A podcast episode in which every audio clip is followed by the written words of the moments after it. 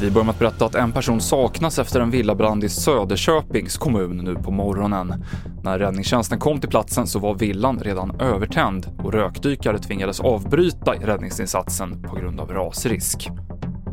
Fartyget Almirante Storni som har legat i Göteborgs skärgård med brinnande last i en vecka började strax före åtta i morse färden in mot hamnen, det uppger Kustbevakningen.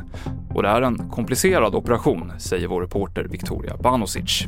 Bara den grejen att man ska ha ett brinnande fartyg, brinnande pyrande fartyg in här i Göteborgs hamn full med oljecisterner och känslig verksamhet. Bara det i sig är ju eh, en riskfylld operation såklart. Eh, sen så ska då upp till mot fyra enheter ska spruta vatten på det här brinnande Almirante Storni under transporten in hit till Skandiahamnen. Mer om det brinnande fartyget på tv4.se.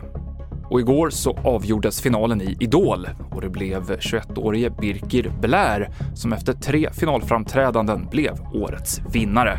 Det innebär att Birkir, som är från Island men bor i Göteborg, får uppträda på festivalen Lollapalooza i Stockholm nästa år. Och hans vinnarlåt Weightless kan du höra på tv4.se.